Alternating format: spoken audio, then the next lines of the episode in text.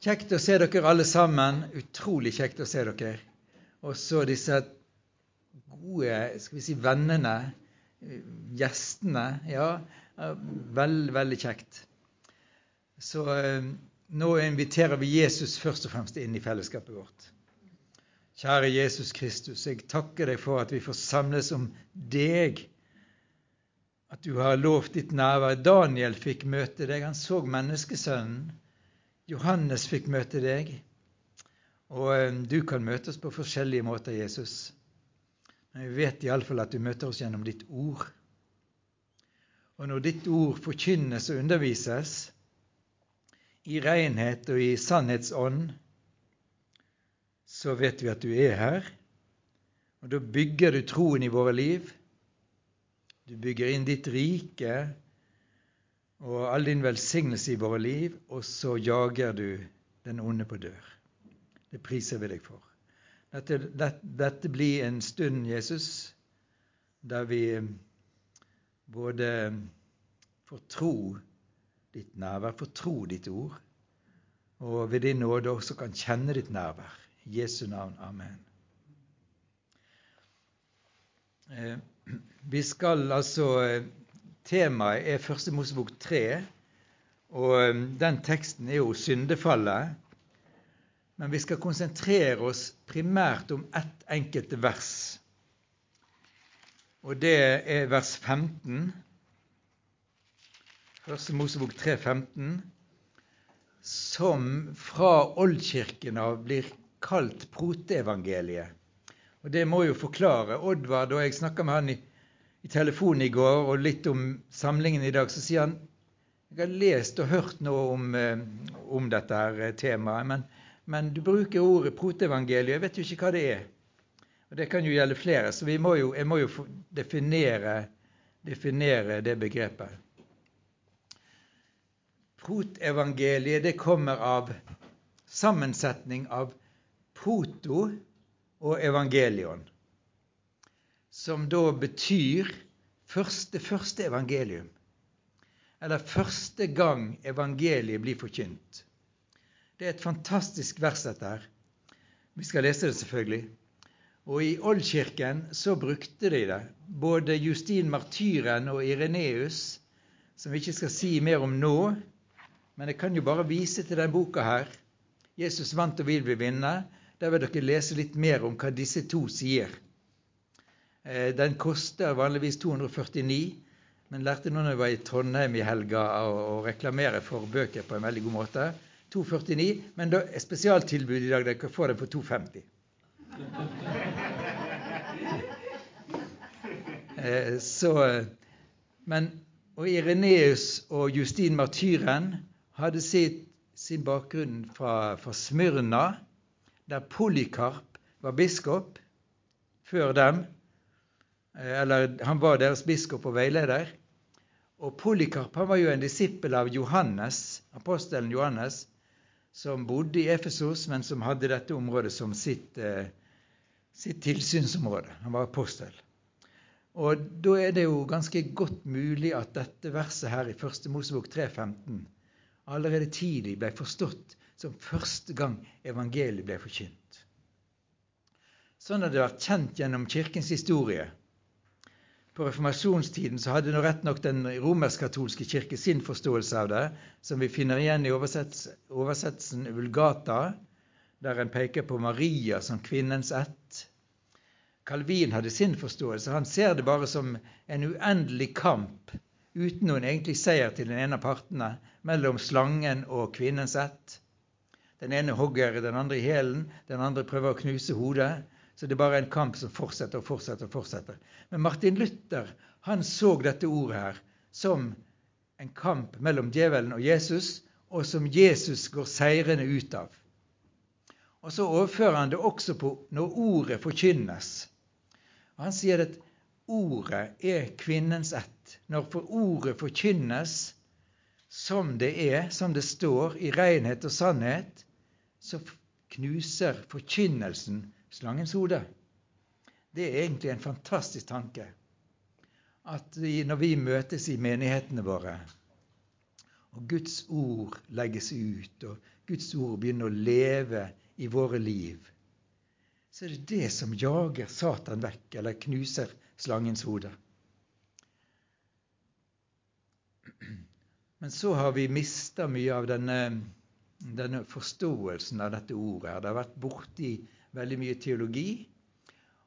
Og jeg hørte det på Menighetsfakultetet da jeg studerte. Jeg leste det i en bok av, av, tror jeg, av gamle professor Ivar P. Seierstad.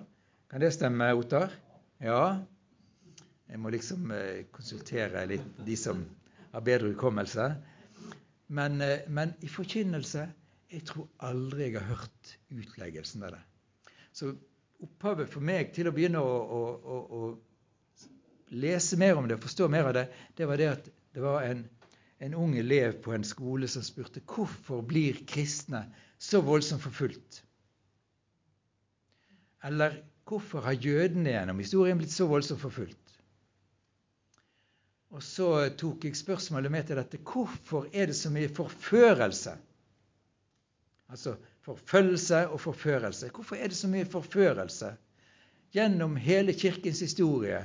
Og vi vet jo at Det nye testamentet, Paulus i Apostelens gjerninger i møte med de eldste i Efesos, han advarer veldig sterkt mot forførelsen. Så hvorfor er det så mye av disse tingene? Og så dukker da Justin martyren og Ireneus opp med sine forklaringer. og så skjønner Sånn er det. Det ligger allerede her i syndefallsberetningen og i dette ordet. Og La oss nå lese det ordet. Gud sier, og han sier det til slangen, jeg vil sette fiendskap mellom deg og kvinnen, mellom din ett og hennes ett.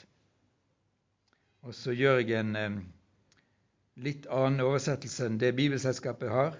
Det sier han skal ramme ditt hode, men du skal ramme hans hæl.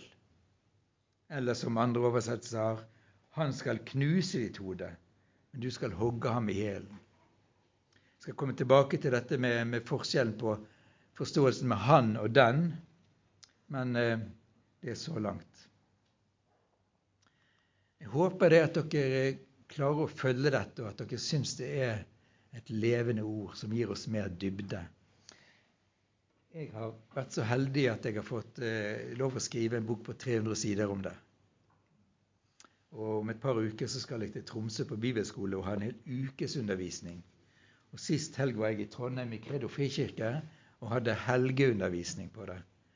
Sånn at eh, Vi klarer ikke å gå igjennom alt dette nå, men for meg har det betydd ganske mye altså, til å forstå det vi lever i, og det vi opplever.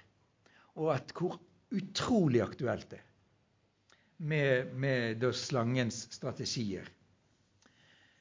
I 1. Johannes brev, kapittel 3, vers 8, så er det på en måte oppsummert. Jeg syns det er et flott ord. Det var for å gjøre ende på djevelens gjerninger at Guds sønn åpenbarte seg.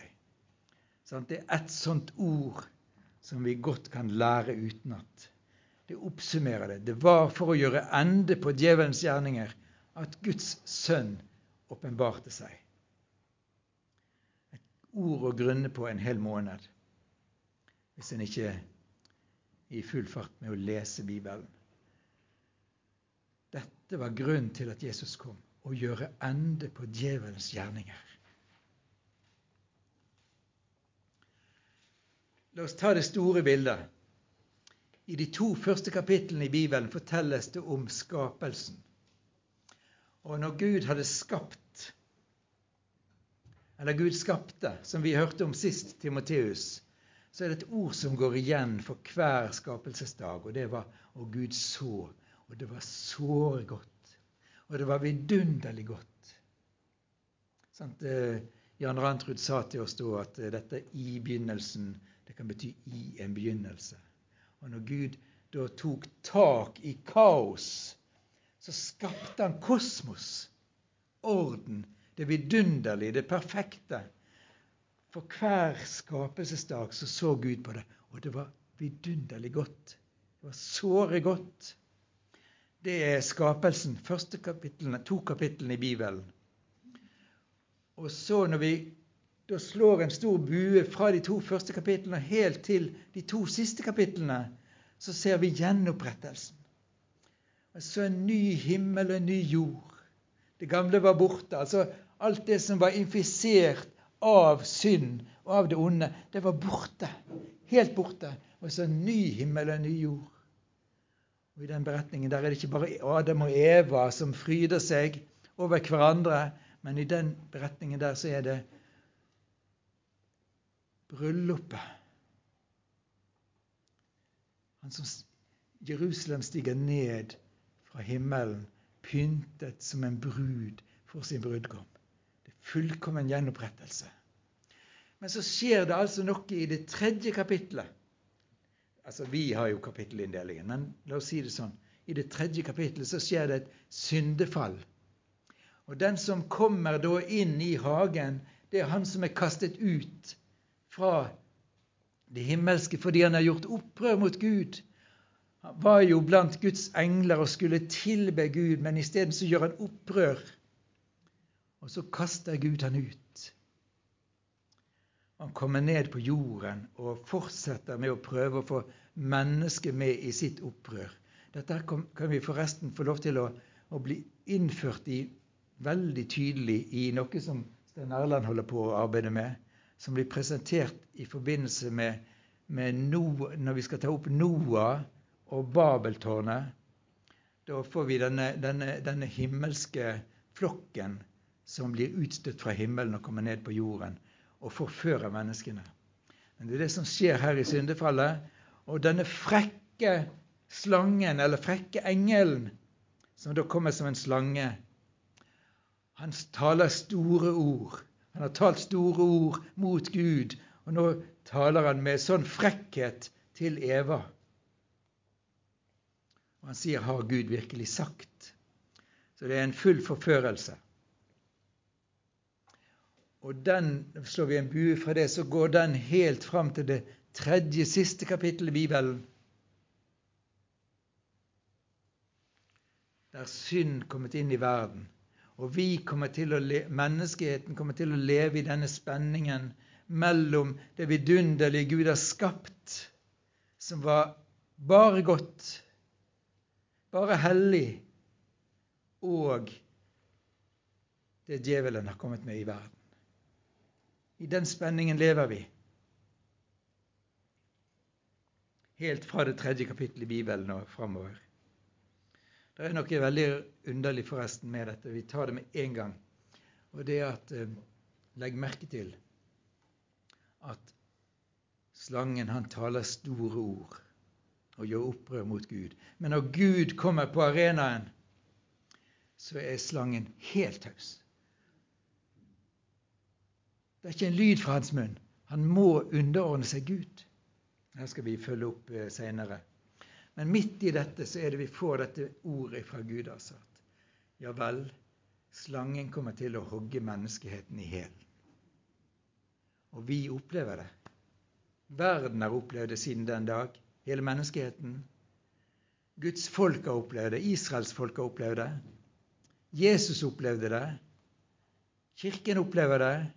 Og vi opplever det i vår tid. Og jeg tror jo òg at eh, når det drar seg til mot enden, det står om, om eh, djevelen at han er rasende. Han er rasende. Når det drar seg til mot enden, så vil vi oppleve det enda mer. Med et annet aspekt, altså, og det er at Gud gir et løfte til kvinnens ett.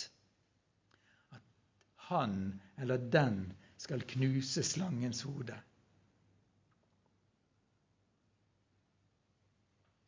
Og Nå skal vi begynne å glede oss. Nå ser dere veldig alvorlige ut. For det er det som skjer. Kvinnens ett knuser slangens hode. I protevangeliet er det det står om. Så det blir temaet nå, altså knuse slangens hode. Så her har dere en illustrasjon, og eh, denne, eh, denne PowerPoint-presentasjonen blir jo også da lagt på på nettsiden til Kristkirken. Se og lytt, undervisning, Timoteus, første Mosebok. Så der finner dere alt sammen med disse illustrasjonene. Jeg syns de er talende. Så vi må stille det spørsmålet hvem er kvinnen sett? Har dere tenkt igjennom det? Hvem er Kvinesett? Vi skal si det er flere, det er flere, det er flere svar, det er flere løsninger, men ta disse her nå systematisk. Hvem er slangen? Det er egentlig et greit svar. Slangen er han som i Bibelen senere bærer navnet Satan, djevelen, dragen osv. Det er bare I Gamletestamentet så møter vi eh, tror jeg, bare navnet Satan i én bok. Opp med hånden, den som vet. Jobbs bok. Der møter vi, der møter vi han ved navn. Så slang, men slangen er for så vidt greit. ikke sant? Både Gammeltestamentet og Nytestamentet gjør dette klart. Det hadde forresten vært utrolig interessant å gått inn på alle stedene i Det gamle testamentet der det slår om slangen. Det, er, det tror jeg er mye mer enn en vi har tenkt igjennom. Det står veldig mye om slangen i Det gamle testamentet. Det står om slangen i, i Fjerde Mosebok, eller slangene som kommer inn blant Israels folk og biter dem, så de blir syke og holder på å dø, eller dør. Noen dør. Bare den som ser opp på på den eh, kobberslangen som Moses har hengt opp på en, på en stang. Bare den blir eh, frisk igjen. Det står om slangen som kryper i Salmenes bok. Det står om slangen som kryper og slikker støv i profeten Mika osv. Men så hvem er da slangens ett? For Det står jo her i dette protevangeliet også at mellom din ett og hennes ett. Hvem hvem er slangens ett? Og Det er vel kanskje her vi eh, må stanse litt opp eller bli litt overrasket. Det er to grupper av slangens ett i Bibelen. Og Den ene gruppen er jo helt åpenbar. Det er de onde ånder, det er demonene. Det er de englene som fulgte Satan i hans opprør og fall, som ble kasta ut fra himmelen. Eller det himmelske. For ikke å beskrive det som et geografisk område, men et nærvær der Gud er. Det er de som blir kastet ut. Det er demonene som vi jo møter så enormt i, i evangeliene. Sant? Jesus, Det er så mange ganger Markusevangeliet er jo fylt opp av beretninger om Jesus som kaster ut onde ånder.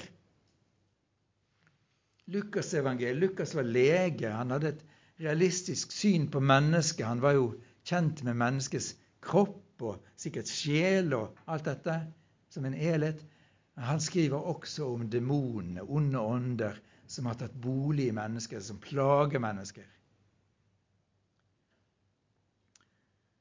Så det er den åndelige sfæren. Det er der Paulus også skriver om. Vi har ikke en kamp mot kjøtt og blod, egentlig, men vi har en kamp mot makter og myndigheter, mot ondskapens ånd der i himmelrommet. Um, det er den, den hæren som vi møter altså av, av åndsmakter. Det vi ikke kan se for vårt blotte øye, men det er der. Og Johanne og jeg snakka nå rett før vi begynte om, eh, om åndskrefter i religiøse sammenhenger. Og jeg kom til å tenke på en, på en ung kvinne som kom fra India til Norge og, og hadde hindubakgrunn. Og i Norge så, så ble hun kjent med Jesus og kristen tro så hun ønsket å være kristen. Men fortsatt på hybelen hennes i Bergen så hadde hun masse sånn eh, gudebilder og figurer av, av, hinduistiske guder. Så samtidig som hun ønsket å være kristen, så kjente hun på et så forferdelig åndelig mørke. Så var det min kollega da i, i eh, kristent innvandrerarbeid som hadde spesiell oppfølging av denne unge indiske kvinna og ble med henne hjem en dag. Og Der sto alle disse figurene av hinduistiske guder. Og De tok og samla alt sammen og gikk til Byfjorden og kasta dem utpå. Og Fra den dagen var denne unge indiske kvinnen helt løst. Det er åndskrefter som vi ikke kan se, som vi ikke kan ta på, men som er der, og som binder, knuger, skaper mørke omkring seg. Det er den ene gruppen. Men så ser vi òg eh, Og når vi, når vi ser det i Det nye testamentet, så kan vi også gjenkjenne det i Det gamle. Vi ser òg at det er mennesker som har latt seg så binde av den onde at eh, de, er blitt så forført, og de har gått så inn i ondskapen at de eh, blir hans ett, slangens ett. Jeg, når jeg tenker på dette, så tenker jeg ikke sånn umiddelbart på farao som sto opp mot Israels folk. Hadde han mulighet for å omvende seg? Kanskje. Men for hver gang Moses konfronterte han med Guds kraft, så gjorde farao seg hard. Hardere og hardere og hardere. Og vi kan finne den ene skikkelse i Gammeltestamentet etter den andre som bærer preg av dette, at de er så bundet av ondskapen. Jesabel blir jo et sånt bilde som vi møter igjen i Nytestamentet òg. Jesabels ånd og som fikk drept Herrens profeter. Som sto mot Gud på, på en sånn forferdelig måte som Altså, ja. Ehm, jeg har skrevet opp flere her, men jeg Ja, Herodes. Altså som overgir seg til ondskapen.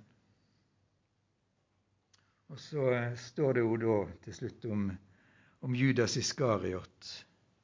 Da for Satan i han. Da for djevelen i han. Og jeg tror, han, jeg tror han er et bilde på dette at det begynner ikke med at, eh, at frafallet fra Gud er totalt. Det er ikke det første som skjer. Men det begynner smått. Får lov til å få en liten flik av livet. Han har fått et lite tak, eller et lite rom i hjertet. Og når ikke det blir rensa vekk og bekjent for Gud, så tar han mer og mer og mer rom.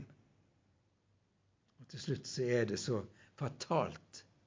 For det er jo det egentlig det eneste djevelen vil, å føre mennesker i fortapelse.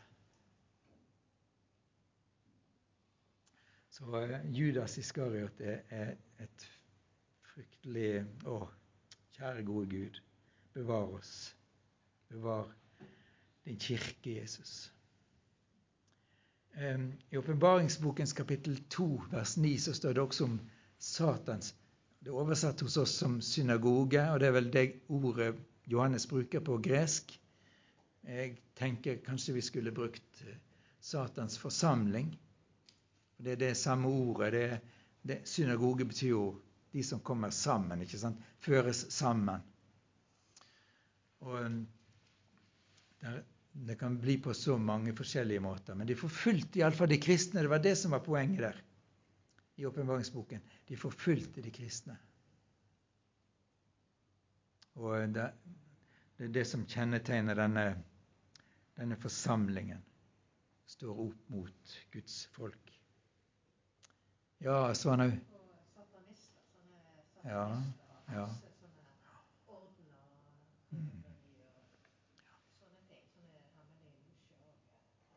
Det er sant. Jeg tror at pga. opptak og mikrofon og alt sånt, så vi, må vi dessverre ta samtale og spørsmål eh, til, til etterpå. Ellers er jo den formen med samtale veld, veldig god, altså. Men det, det, går ikke inn her, så vi får Og så Eh, men så må vi spørre hvem er kvinnens ett? Hvem er kvinnens ett? Jeg tenker det, første, det, det første det er menneskeheten. Iallfall stammer vi alle sammen fra Eva og Adam. Og Guds vilje med oss var så god. Hans familie skulle spre seg utover hele jorden. Og gjennom Mennesker skulle Guds velsignelse spre seg. Paradiset skulle ikke bare være et avgrenset område, men det skulle bli paradis på hele jorden. Det skulle bli paradis i naturen, skaperverket. Det skulle være paradis mellom oss, paradis i hver familie, hver, hvert ekteskap. alt sammen skulle bare være paradisisk. De som satt på toppen i ethvert land, de skulle bare tenke på hva kan jeg gjøre godt for mitt folk? Borgerne skulle tenke hva kan jeg gjøre godt for min nabo og de andre? De som hadde masse penger, skulle tenke hvordan kan jeg dele dette med andre? I verden skulle vi tenke hvordan kan jeg hjelpe folk i Jemen? Og så videre. Sånn skulle det være. Sånn var Guds plan. Så da, da vil jeg òg si at alle de som gjør godt på jorden, av mennesker, alle de som er av god vilje og søker andres beste, de er med på å ødelegge for djevelen. Så når vi, når vi har mennesker rundt oss og smiler til oss gode, og sånt, så skal vi tenke et bilde av Gud. Et eksempel på Guds plan og ønske. Men så vet vi har gått andre veien, så derfor så skriver jo Paulus òg at hele skaperverket lengter etter Guds barns forløsning. Når Guds barn forløses, så forløses skaperverket. Alt blir nytt. Den neste gruppen av eh, kvinnens ett tenker jeg som Israel. Israel får jo det løftet gjennom Abraham osv. om å skulle være til velsignelse for alle folkeslag. Gud velsigner Israel til å være til velsignelse for alle folkeslag. Og vi kan, vi kan, vi kan jo se det i dag også. Og Samtidig så ser vi den andre siden, at hvis det er noe folk gjennom historien mange ganger som blitt utsatt for slangens angrep, at slangen har prøvd å, å, å ja, har hogd i hælen og prøvd å utsette, så må det være jødene og Israels folk.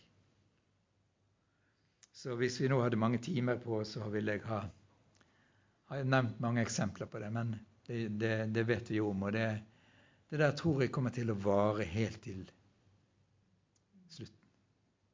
Vi skal ikke overraskes. Men Israel skal knuse slangens hode. Og så har jeg da skrevet en, en X. Det er for Kristus. Kristus. For teksten, hvis jeg eksegerer den teksten i 1. Mosebok 3,15 nøye, så vil vi se at på, på hebraisk så er det det personlige pronomen hankjønn som står nevnt der. Det er han. Det er ikke den, hvilken som helst den, men det er en han. Og den greske oversettelsen av, fra hebraisk den sier 'avtos'. Personlig pronomen hankjønn entall. Sondre nikker. Han kan gresk hebraisk. Så da har vi det. Det er en han, det er en enkelt person som først og fremst er kvinnens ett. Det er Jesus Kristus. Og Jeg skal vente litt med å si for mange halleluja men, men, det er jo utrolig å tenke på altså, hvordan han ble jo hogd i hælen av fienden fra sin fødsel. Gjennom mennesker, rett nok, som prøvde å gjøre ende på han. Og så går vi framover, og djevelen prøver seg mange ganger. Vi har fristelsesberetningen i Matteus 4, og vi har ikke minst korset. Da eh, Det var ingen som forsto egentlig hva Gud gjorde. Ikke engang apostlene, disiplene, hadde forstått alt det Gud har skrevet, gitt oss i Det gamle testamentet om Herrens lidende tjener, som på den måten knuser slangens hode. Så det var, dette var et mysterium hos Gud som han måtte åpenbare. Men det var det som skjedde. Tenk når Jesus henger der på korset. Alt håp ute. Politiske makter er mot han. Det er jo de som har makten. De religiøse maktene står bare der og skriker 'korsfest, korsfest'. Og så står den lille disippelflokken, og så Maria, Jesu mor, og noen andre kvinner. De er helt hjelpeløse. De kan ikke gjøre noe som helst for å få han ned, for å holde han i live. De, de har all denne verden imot seg. Det var jo som da, da jødefolket, eller israelittene, sto ved, ved Rødehavet ikke sant, med faraos her bak seg og Rødehavet foran. De kunne ikke gjøre noe som helst, den enorme egyptiske hæren. Men Gud grep inn. Og Gud greip inn. Jesus roper det ut idet han dør. Det er fullført, fullbrakt. Og så står han opp igjen en tredje dag. Og hvem var det da som skalv? Hvem var det da som skalv? Så den, og, og, og, Går vi helt til slutten av åpenbaringsboken også, så finner vi det. Da, da, er det på nytt sånn Da har djevelen angrepet Kirken på så mange måter over så lang tid. Og der er martyrer i mengde. Men helt på slutten så leser vi om hvordan matyrene, de som har seiret i kraft av lammets blod, og det ordet de vitnet, står for Guds trone. Og der, helt på slutten av åpenbaringsboken, så er denne djevelen helt taus. Han er frarøvet all sin makt kan ikke gjøre noe mot det Guds ord som sier at nå skal han kastes i ildovnen eller ildsjøen. Ingen kraft igjen. Det er Jesus Kristus som har vunnet den seieren. Og i Jesus Kristus så har vi K-en. Der har vi Kirken. I Jesus Kristus har vi K-en. Oss. Paulus skriver til menigheten i Rom da keiser Nero satt på tronen og de kristne ble forfulgt. og Paulus skulle kort tid senere oppleve martyrdøden. Apostelen Peter det samme. Det var, det var store mengder over hele det romerske riket av kristne som møtte martyrdøden. Og det, de, de, skjønte jo hvem det er som har makten. Den jordiske makten. Det er Nero. Et uttrykk igjen for uh, for slangens ett. Så skriver Paulus til menigheten i Rom må fredens Gud i hast knuse slangen under deres føtter.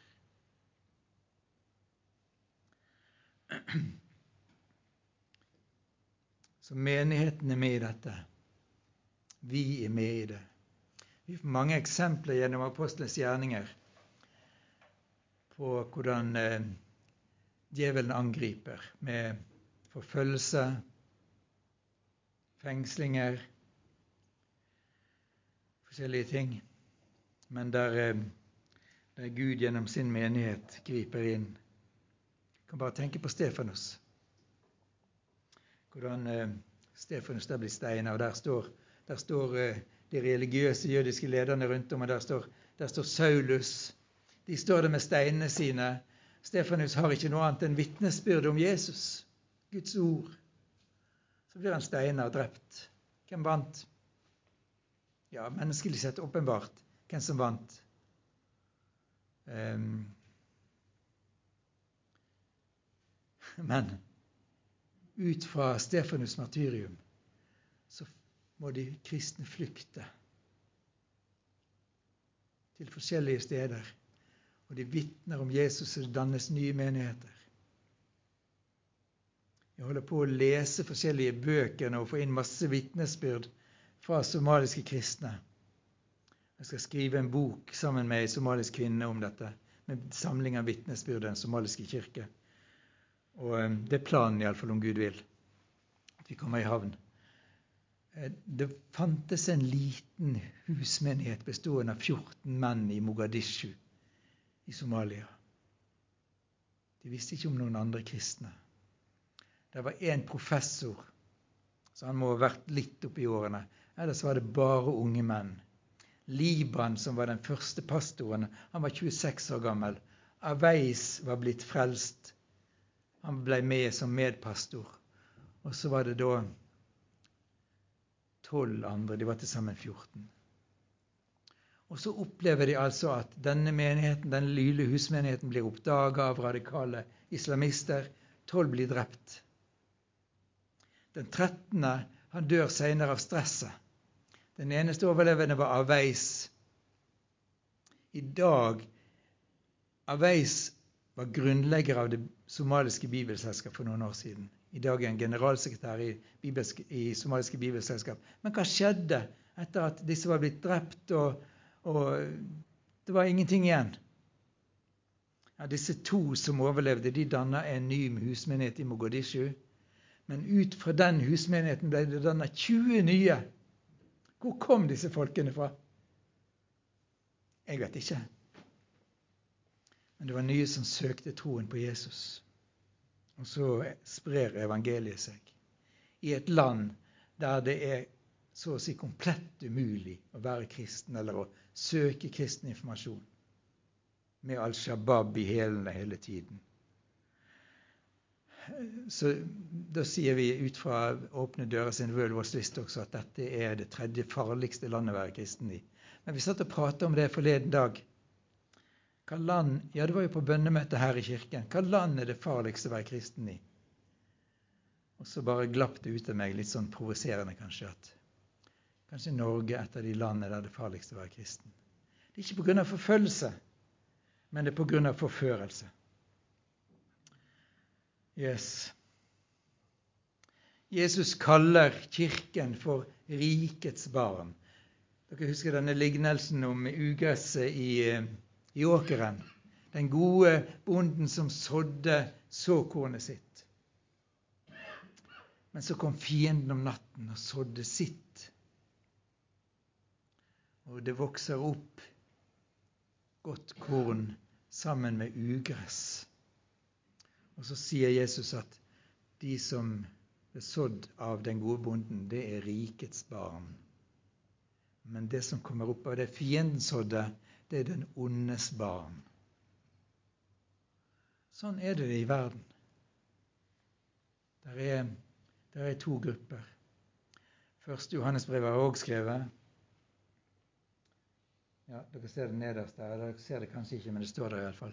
Første Johannesbrev snakker veldig mye om Guds barn i motsetning til verden. Og Der er verden brukt på én spesiell måte. Da Otter hadde undervisning her ut fra Johannes 17, så fikk vi litt forståelsen av for ulike måtene verden blir brukt på. ikke sant? Men her i første Johannesbrev er verden brukt som de som står imot Guds barn. Det er den falne verden. Det er det ugresset som fienden sådde. Hvor langt er kommet nå, tro? Ja, så kommer jeg til noe som er kjempeviktig, syns jeg, da. Det er hva som er djevelens eller slangens strategier. Han har to hovedstrategier, så langt jeg kan forstå. Og Den første strategien det er den han som regel lykkes med, og den han bruker først. Det var den han brukte mot Eva i Edens hage. Det er for, for forførelse. Det er litt sånn ordspill i dette. her da. Forførelse det er den strategien han bruker først, og som han lykkes best med. Og Det betyr jo for oss at hvis det er noe vi må være på vakt mot, så er det forførelse. Jeg opplever etter hvert som jeg har jobba lenge nå i Åpne dører, jeg er ikke så redd for følelse. For noen så høres det veldig rart ut når jeg står og snakker om forfølgelsen i Nord-Korea eller Afghanistan eller Somalia eller Iran eller Nord-Nigeria eller sånn. Så sier jeg men jeg er ikke så redd for forfølgelsen. Men det jeg er redd for, er forførelsen. Det var den første han brukte, og den andre forfølgelse. Og vi ser et mønster i både Det gamle testamentet, Det nye testamentet, Kirkens historie, at der og den enkelte kristnes historie, liv, der vi står imot forførelsen, der må vi regne med forfølgelse. I et eh, hefte som nettopp er utgitt av Åpne dører, som heter eh, Hold fast. Så, eh, så står det på, på første siden Broder Andreas, stifteren av Åpne dører, kom til Indonesia, til en by på, øst på Java. Og der var de så begeistret. Vi lever i apostlenes gjerninger! Og så sa han Jeg opplever dere mye forfølgelse her, da? Nei, men vi opplever tegn og under og mirakler og og vekkelse, og det er bare så fantastisk. Ja, men hva med forfølgelsen, da, sier han. Nei, vi har ingen forfølgelse, det er bare sånn godvilje. Ja, da lever dere ikke i apostlenes gjerninger. Eh, det der har jeg tenkt på, på lenge. At vi har en tendens til å trekke ut det som Å, det er så fantastisk. Vi lengter sånn etter vekkelse. Men vet du, det er en parallell gjennom kirkehistorien veldig ofte at vekkelse og forfølgelse. Forfølgelse og vekkelse. Hva som kommer først og etterpå, sånn, det kan være litt forskjellig. Men, men, det er ikke ukjent at det er begge deler. Og du kan bare lese gjennom Apostlenes gjerninger og se det. Eller vi kan lese Jesu liv og se det. Så la oss ikke undres over det. Og da, altså, Hva er da slangens mål? Ja, Det er først opprør mot Gud.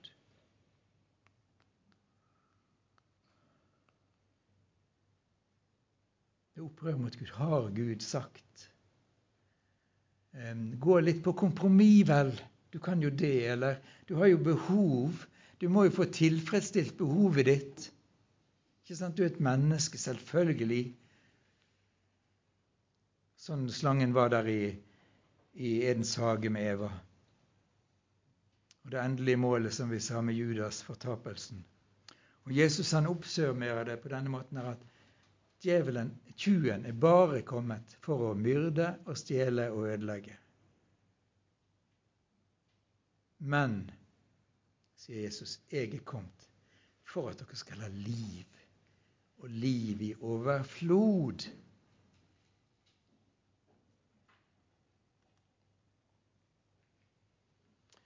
Hvordan seirer kvinnen sett over slangen? Eller knuser slangens hode? Vi har så vidt nevnt dette med, med Israel Israel ved, ved, ved Sivsjøen. Vi kunne nevnt altså, hvis vi, hvis vi, tenker på påske, og vi tenker på purim, og vi tenker på Hanukka som tre av jødenes store høytider, så har vi det. Det var jo noen mennesker selvfølgelig involvert i det. Det var noen, noen israelitter eller jøder involvert i det, og sånt som, som var Guds redskap. Men vi ser jo hvordan Israels folk og jødene var nesten hjelpeløse overfor en enormt mektig fiende. Men disse tre høytidene her, de minner jødene tre ganger i året om at det var Gud som grep inn og reddet oss. Og Jeg har lest en bok en gang som heter 'Den ikke-jødiske jøde'. Og Det er da en ateistisk jøde som skriver. Og Han har en, en veldig god formulering. Han sier at 'Jeg tror ikke på Gud' men at Gud greip inn og frelste sitt folk ved Sivsjøen, det må jeg tro. Og dette her lever i det jødiske folk. Det er Gud som griper inn og frelser oss. Sånn også med oss. Sånn også med kirkehistorien. Hadde, hadde ikke Gud vært der, hadde ikke Jesus vært der i de tre første århundrene av kirkens historie, hvordan kunne Kirken overlevd? Gud var der skapt en frimodighet eh, i de kristne, og samtidig også dette tertulianske ord at jo mer de dreper oss, jo flere blir vi. Martyrenes blod er den kristne kirkes såkorn.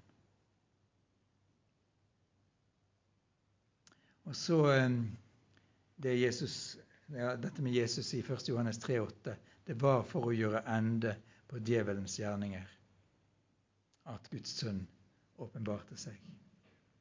Kirken, hver kristen, det det er veldig sjelden at det ytre press som har eh, ødelagt for Kirken.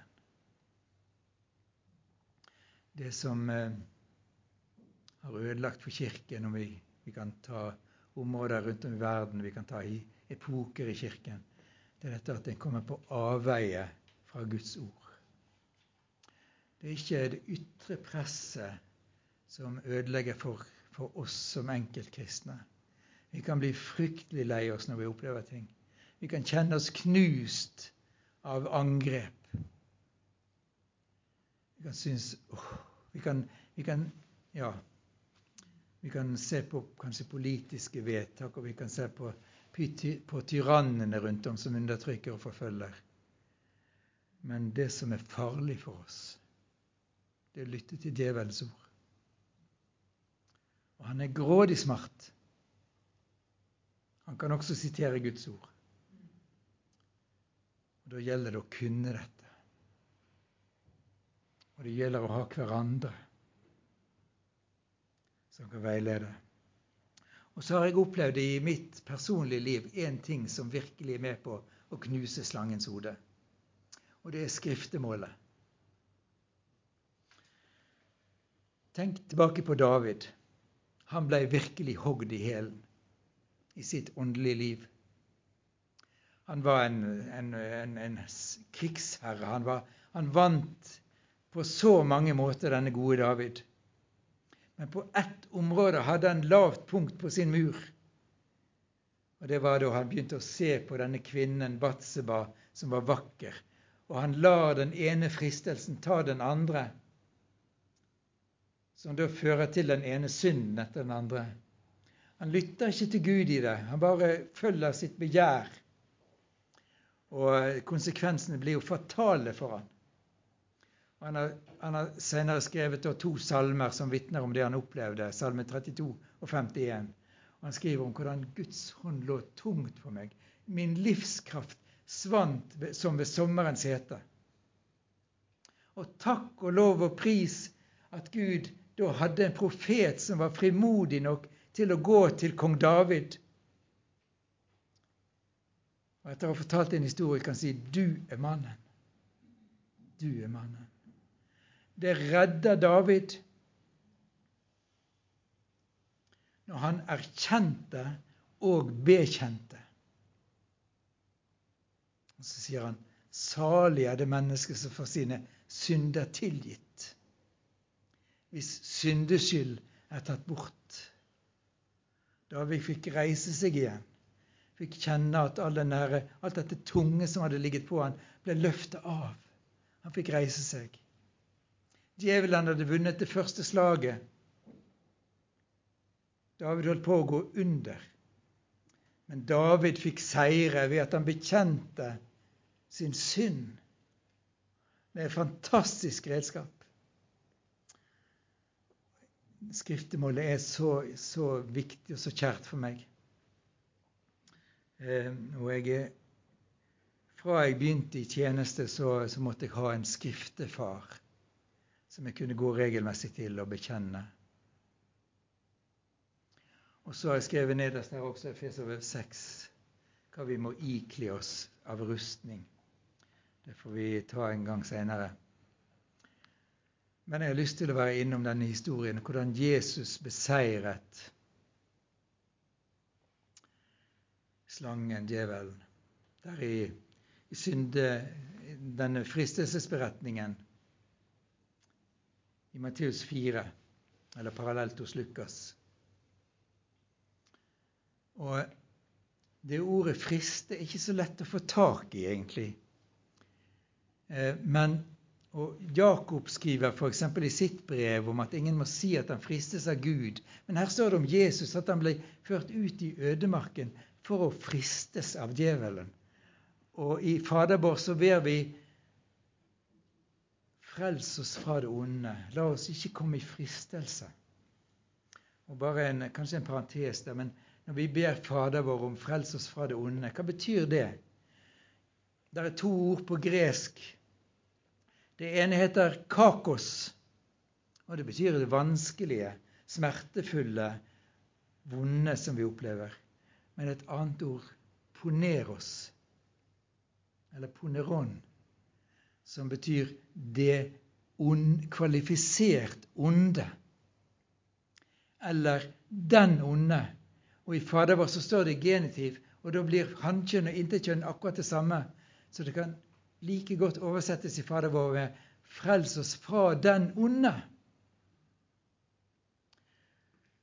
I denne beretningen om, eh, om Jesus i ødemarken når han fristes, så kan også ordet 'friste', perazzo, oversettes med å teste, prøve.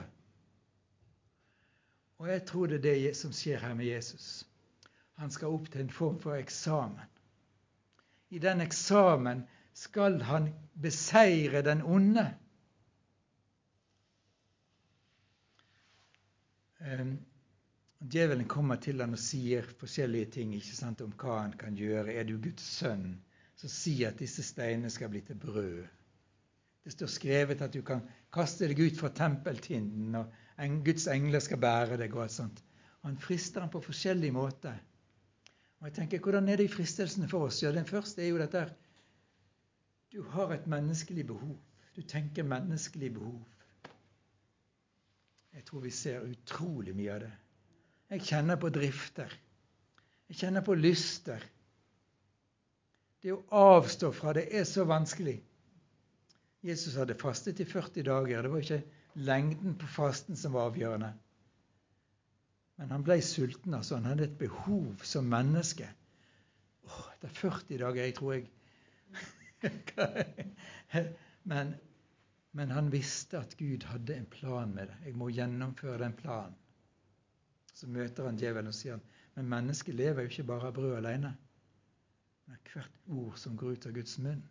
Det var én ting som var viktigere enn å få tilfredsstilt lystne, og det var Guds ord. I de andre beretningene du, jo, altså du vet Det er noe som er veldig, veldig viktig. Men du kan jo gå litt på kompromiss. Ikke mye, men lite grann. Bare bitte litt. Vekk fra meg, Satan, sier Jesus. Herren din Gud skal du tilbe. Ikke en millimeter på kompromiss. Josef i Det gamle testamentet, første Mosebok, et fantastisk eksempel på dette. Å ikke gå på kompromiss. Daniel og vennene hans er det samme. Ikke gå på kompromiss. Ikke en millimeter gi djevelen noe som helst. Jesus måtte gjennom en eksamen før han skulle ut i tjenesten. Eh, de fleste av oss vil vel oppleve det sånn at vi går inn i en tjeneste eller går inn i livet, og så er det masse tentamener underveis. Gud bruker disse for at vi skal beseire den onde, knuse han. Og så er det korset og oppstandelsen som vi har snakka litt om. Det er jo ikke uten grunn, tror jeg, at eh, korset ble stående på stedet som heter Golgata, hodeskallestedet. Der lot Gud det korset hans sønn, offerlammet, skulle dø på. Og det så ut som fullstendig nederlag for Jesus etter hele, hele hans fantastiske tjeneste og liv. Men der Fantastisk. Hun som jeg skriver denne boken om Somalia med nå, hun eh, var da født i en muslimsk familie. Hun sier at det beste stunden jeg hadde i hele mitt liv, det var når jeg hver sommer kunne være ute på, på marken og ligge og se opp mot himmelen og se på Guds stjernehimmel. Da opplevde jeg Gud. Ellers opplevde jeg ikke Gud som muslim. For Allah svarte ikke på noen av mine bønner. Han var aldri, aldri nær. Og så var det en annen ting, og det var å få lov til å gjete sauene og lammene. Og kunne navnet på hver eneste sau og hvert eneste lam. Og så gifter hun seg med en amerikaner og kommer til USA. Og hun beskriver Amerika. Det, det, det byr på alt. Det er all slags religioner, all slags guder, det er materialisme, det er feminisme og, alt, og, og yoga og, og, you name it. Alt scientologi i det siste hun er innom. Hun blir bare så frustrert av alt dette her. Og så sitter hun i bilen sin og kjører en dag, og tårene renner sånn i øynene hennes at hun nesten ikke ser noe. Så hun må bare svinge av veien. Og der får hun se en bygning med et kors på. Kors. Og det griper hennes hjerte. Hun forstår med en gang at dette korset har en historie å fortelle henne, så hun hopper ut av bilen og løper inn i denne bygningen, som hun ikke visste var en kirke, men hun løp, kommer inn der og får møte mennesker som begynner å vise henne veien. Men hun sier at høydepunktet for meg, det var når jeg leste Johannes-evangeliet. Og eh, hører Jesus si 'Jeg er den gode gjeteren'. Da visste jeg at han kjente navnet mitt. Men korset, korsets budskap, som løfter av syndene våre Vi behøver ikke gå nedbøyd, triste. Korsets budskap løfter det av og setter oss fri. Syng, vi må synge Ragnar, sant? vi må synge masse sanger om korset. Ja. Syng om korset og la det være vår djupeste katekisme. Lære om korset og oppstandelsen. For Jesus seier blir fullkommen gjort i oppstandelsen. Nå må jeg skynde meg. Nå er vi 55 minutter. Det sier vi ikke mer om, for det tror vi allerede har sagt. Men jeg stansa opp for dette ydmyke forleden dag. Jeg skrev en liten post på, på Facebook òg om det. Hvem ydmyker hvem? Når Satan og hans eh, ett forfølger kristne, så tror han at han ydmyker Guds barn. Og ydmyker Kristus, ydmyker Kirken.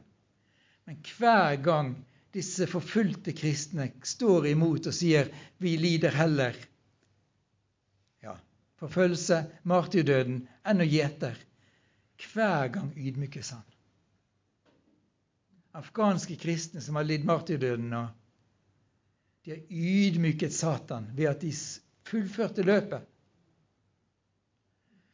Nordkoreanske kristne som sitter som fanger hele sitt liv innerst i en mørkt fangehull, en fangeleir, bare kan eh, prise Gud innerst i latrinens forferdelige lukt. Djevelen tror han ydmyker dem. Men hver gang de tenker på Jesus der inne i det mest forferdelige, så ydmyker de djevelen. Oi. Så har jeg spurt, og det tenkte jeg det kunne jo bli en samtale av, og kanskje bønn for hverandre. Hvordan lever vi med de korsene vi har? Hvordan kan vi hogge slangen i oss, i hælen? Hvordan kan vi ydmyke og besere djevelen? Gjennom våre kors.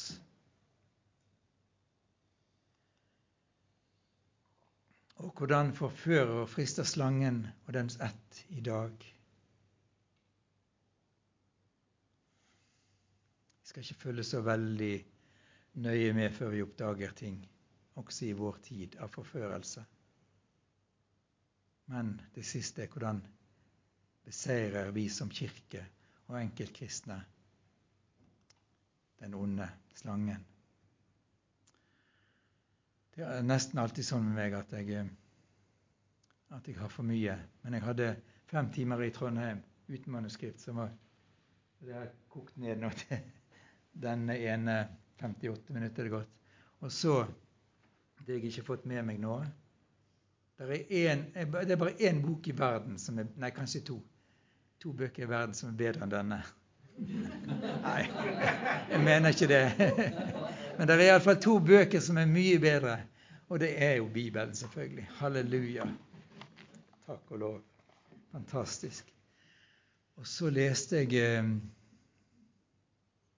ja, Når var det? Er det halvannet år siden? Nei, det er snart snart to år siden kanskje. Jeg leste 'En pilegrimsvandring'. Har dere lest den? Den er jo kommet i ny utgave med illustrasjoner og greier. Flotte tegninger. En pilegrimsvandring. Det må være en åpenbaring fra Gud. Og det mener jo John Bunyan òg. Fordi at han fikk liksom Han hadde ikke historien på forhånd, han bare satt der og skrev. Og så kom det, kom det, kom det. kom det. Det er så beskrivende for beretning òg for vår tid. John Bunyan slapp ikke lett unna når han skrev den boken, eller etter han har skrevet den boken. Det var forfølgelse. For han hadde pirka borti djevelen. Så ble det sånn. Da, og så står det Stefanus, Stefanon rett under her. Det er jo ganske artig, syns jeg. Stefanon, det betyr seierskrans. Så Paulus skriver at når jeg fullført løpet, bevart troen Nå skal det ofres. Så ligger Stefanon ferdig framfor meg. Seierskrans. Derfor er det illustrasjonen rundt boka. Det er artig sammenheng. 59-54 står det på klokka. Tusen takk for meg. Gud velsigne dere.